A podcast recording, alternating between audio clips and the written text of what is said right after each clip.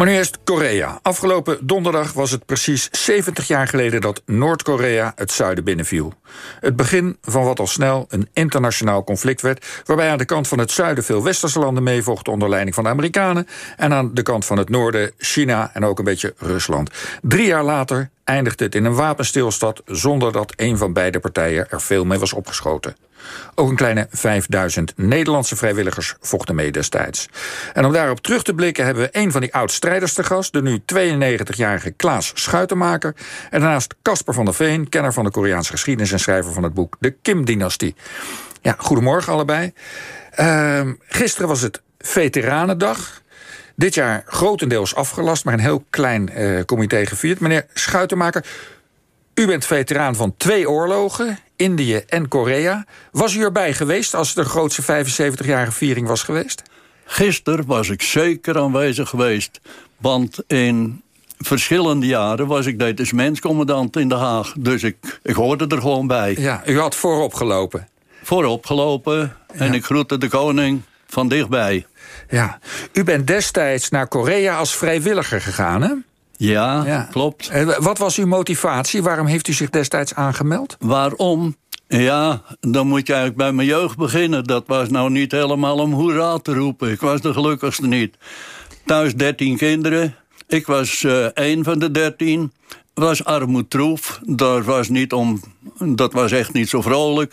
Na school, zes klassen lagere school. En toen had ik het erop zitten. Toen was het gebeurd met me. Toen kreeg ik een riante baan aangeboden. Ik mocht in de tuinbouw werken. Bij mijn eerste baas. Van ochtends zes tot s avonds zes. En dat op maandag, dinsdag, woensdag, donderdag, vrijdag. En op zaterdag van 6 tot 12. En aan het eind van de week kreeg ik 6 gulden. En dat programma is een beetje doorgegaan naar de volgende baas en weer een andere. Totdat ik op een gegeven moment een opgeroep kreeg voor mijn dienstplicht als zeemilicien bij de mariniers. En 20 augustus 1948 ben ik dus bij de mariniers naar binnen gestapt. En toen bent u naar Indië gegaan? Toen ben ik na korte opleiding naar Indië gegaan. En Indië, ik vind het een fantastisch land. Ik kan geen verkeerd ding opnoemen. Alleen één ding, er was een guerrilla-oorlog gaande. Je liep altijd te kijken om een hoek, in een boom, uh, wat dan ook. Het gevaar was altijd overal. En het blijkt, we hebben 6200 man met een kruisje op het Ereveld achtergelaten. En daar blijf je zomaar over nadenken. Ja, maar goed, u uh, had het thuis niet zo prettig en uh, Indië was prettiger... en daarom uh, meldde u zich als vrijwilliger voor Korea. Toen kwam ik terug uit Indië en toen herhaalde het zich dat ik weer van s ochtends zes tot s avonds zes moest werken. En dat was, ik was bij mijn broer in de kost, in de schermer, in de Beemster. Dat was grof landbouwwerk, dat was nog beroerder. Toen heb ik geprobeerd in een melkfabriek. Toen werd ik kaasmaker. Maar koeien geven ook op zondag melk. Dus op zondag draaide die fabriek ook door. En zo zat ik dus uh, zes zondagen achter elkaar werken. En dan de zevende had ik vrij. En mijn maten die waren achter de mij dan. En ik zat bij die pekelbak met de kazen te spelen. En dat verveelde me mateloos. Iedere dag ging mijn frisse tegenzin er naartoe. Toen in de krant las ik dus advertenties van vrijwilligers voor Korea. Ik hoopte wat van Indië terug te vinden. De oude maten, weet je, collegialiteit, het mooie land. Maar dat bleek niet mee te vallen. Hm. Korea. Ja, goed. Dan gaan we zo van u horen. We gaan nu eerst even naar Casper. Want Casper, het was uh, deze week dus uh, precies 70 jaar geleden... dat die oorlog begon. Kan je nog even kort vertellen, hoe zat het ook alweer precies? Uh, wat begon er precies en waarom? Ja, Korea was tot 1945 een kolonie van Japan. En werd bruut onderdrukt in die tijd... Dus de geallieerden, toen ze de Tweede Wereldoorlog wonnen... dachten dat land is niet klaar voor zelfbestuur. We hakken dat in twee stukken. En de ene krijgt het kapitalistische systeem, de andere het communistische systeem. En dan na vijf jaar houden we verkiezingen. En dan kunnen ze zelf kiezen onder wat voor systeem ze willen leven. Maar zo is het niet gegaan. Het was ook een hele kunstmatige scheiding langs de 38e breedtegraad. Alle industrie lag in het noorden, het akkerland lag in het zuiden.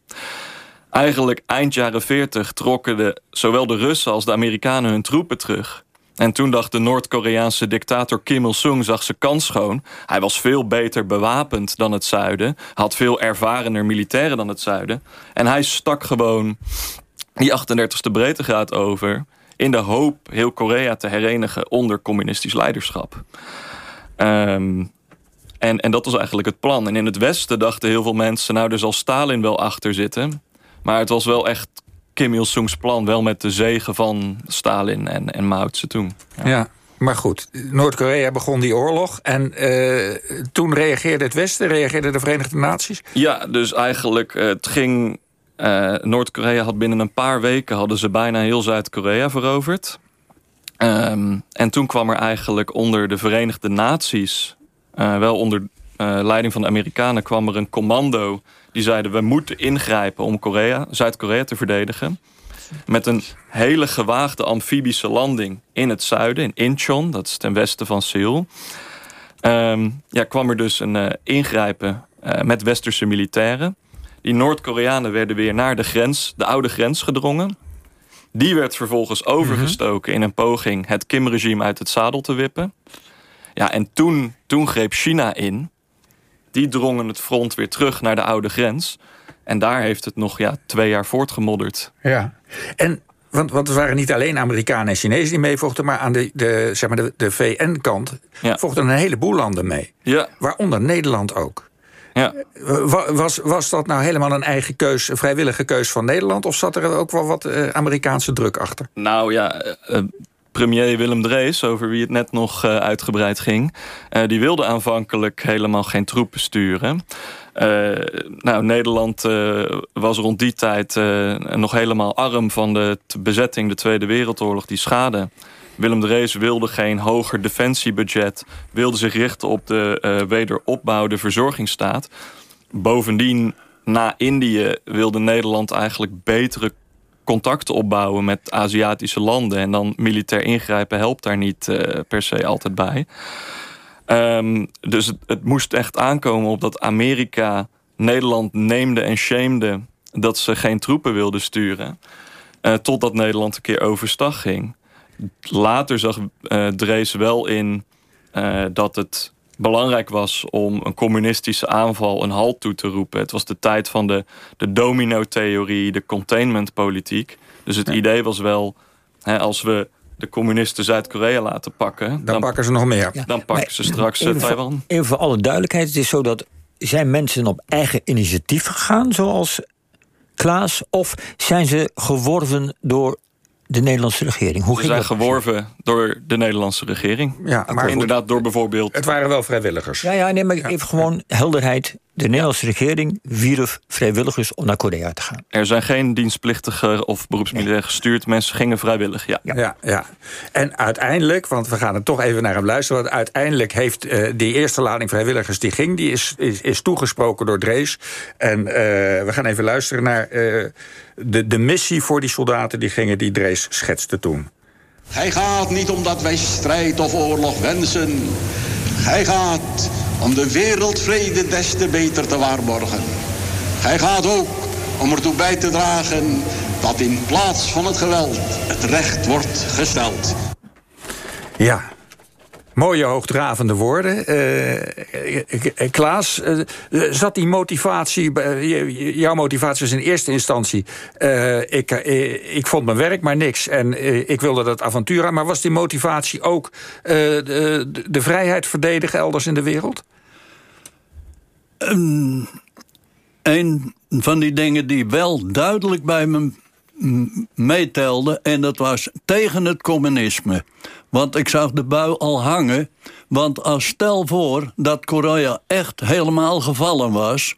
dan had China had heel gemakkelijk Taiwan in kunnen pikken. Het was een fluitje van een cent geweest. Dan had Amerika geen, sprang, spring, geen springplank meer in die kant van de wereld. Dan had ik wel willen weten hoe lang of Japan nog vrij was geweest. Ja. Ik heb sommige bedenkingen. Nu zei u net, of je net, want we mochten elkaar tutoyeren. Het bleek niet mee te vallen in Korea. Vertel eens, wat, wat viel niet mee? Wat viel niet mee in Korea? Het was gewoon een hele brute oorlog. Met veel geweld, en artillerie en schieten. Het was niet normaal. Van 3 op 24 december hebben we een aanval gehad. Dat was niet normaal. De luidsprekers op de Chinese stellingen hadden in het Duits omgeroepen... met de kerst lopen we de overwinningsparade in Seoul. En wij lagen net zo'n beetje in een gebied... waar ze dan dus over ons heen of langs ons heen zouden lopen. Dus dat was toen heel bar die nacht. Ja, het was een soort loopgravenoorlog. Hè? U zat in loopgraven. Ik was laat. De eerste hadden erg veel beweging en wij zaten in de loopgraven. Ja. ja. En die loopgraaf op Jook in de loopgraaf en de zijkant was een hol uitgegraven. En daar sliep ik. Ik was dus op die voorpost gewoon holbewoner. Het eten is in die maand dat we er zaten bijna nooit opgevoerd. Het was te gevaarlijk om bij ons te komen. Dus het was bijna alle dagen een beetje witte bonen met spek en tomatenpuree. Ik vond dat nog wel smakelijk, maar verschillende mensen die baalden ervan dat het niet normaal was. Ja, goed. En, en wat deed u precies in die loopgraaf? Uh, wachten. Ja. En ik was TOV-schutter. Er zat een peloton. Een TOV-schutter, wat is dat? Een terugstadloze vuurmond, dat is niet zo erg veel bekend... maar op een afstand lijkt het veel op een bazooka. Dat is een bekende ding. Zo'n buis waar je een soort granaat mee afschiet. Dat, uh, en dan kon je vanaf je schouder... een 57 mm kanon was het... gewoon vanaf je schouder kon je schieten. En net als een bazooka, dat ding gaf aan de achterkant... enorme steekvlam. Dus als je een schot gelost had, wisten ze altijd waar je zat. Ja. Oh, ja. En u, u, was aan het vertellen over die kerst. Uh, de Chinezen zijn toen niet over u heen gelopen, want uh, ze hebben niet in Seoul uh, geparadeerd. U heeft ze tegen weten te houden. De aanval is namelijk uh, een beetje ongelukkig begonnen voor de Chinezen. We hadden sergeant Hobbel, die was met een kleine patrouille heel ver in het terrein. En er was nou een, riviertje, een stroompje water was meer. En dan lagen ze me op een luisterpost. En toen hoorden ze aan de andere kant ontzettend veel mensen. En hij dacht honderden, honderden dacht hij.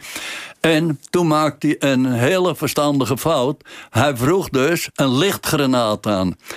En die knalde ze dus af. Hij kreeg bericht onderweg. En toen schrok hij zich rot en denkt... oh jee, nou leg ik zelf in het volle licht. Het enige wat hij kon met zijn mannen... als de bliksem terug, terug vluchten naar de post die achter ons lag. En hij is toen naar de post Unkel gevlucht. Hij moest wel weg. Maar toen, de Chinezen, die waren toen nog ongeorganiseerd... want ze waren aan het verzamelen voor de aanval op Arsenal, de post naast ons. Dus die moesten ongeorganiseerd aan die aanval beginnen. Het liep dan ook radicaal verkeerd af voor ze. Ja, ja. Goed, u, u vertelt het was een hele vrede, brute oorlog. Uh, u zat er in 1952. Toen was er al een beetje een padstelling. Hè? Wist u dat ook? Uh, ik, uh, werd u op de hoogte gehouden van de ontwikkeling van ja, de oorlog? Nou ja, we hoorden dus weinig natuurlijk. Je was maar gewoon soldaat. De officieren zullen meer geweten hebben. Maar ja, je merkte, je hoorde wel van die besprekingen. Maar ja, ze hadden zulke hoge eisen steeds, de Koreanen. De Amerikanen moesten maar toegeven. En als de Amerikanen weer wat toegaven... en dachten ze, nou, dan gaan we zaken doen... dan maakten ze ruzie en dan liepen ze weg. En dan kwamen ze een tijd later weer terug. En maar rekken en maar rekken. Uiteindelijk, ja, toen kwam dan de wapenstilstand, s'avonds om tien uur. We zaten allemaal met ingehouden adem. En toen denken ze, en nou komt er een aanval. Er kwam niks, geen schot, helemaal niks meer. Twee dagen later, toen zat mijn jaar erop. Toen begon ik aan de terugtocht. Ja, goed. U heeft die wapenstilstand dus nog meegemaakt. Kasper, nog even over die geschiedenis. Want uh, we weten allemaal wel dat die oorlog geweest is. Het is nog heel actueel, Noord- en Zuid-Korea. Maar hoe erg het was en uh, op hoe grote schaal uh, er, er, doden zijn gevallen... dat is eigenlijk een beetje vergeten verhaal. Hè? Kan je dat nog even kort schetsen? Ja, het is eigenlijk een van de of ja, het bloedigste conflict in ieder geval van de Koude Oorlog geweest. Er zijn uh, 3 tot 4 miljoen doden gevallen. Dat is 10% van de hele bevolking van het schiereiland. De Noord-Koreanen hebben nog minder of nog meer te lijden gehad. Er is uh, meer, uh, meer bommen zijn er gedropt op Noord-Korea tijdens de Koreaanse oorlog dan in heel Azië en de Stille Oceaan tijdens de Tweede Wereldoorlog. Er is een bekend citaat van een uh, piloot die zegt op het moment dat hij moet uitvliegen, zegt ja, nothing left to bomb, sir. Gewoon dat er geen doelen meer waren in Noord-Korea die nog te bombarderen waren. En uh, ja, na het einde van het conflict, ja, gigantisch veel burgerdoden.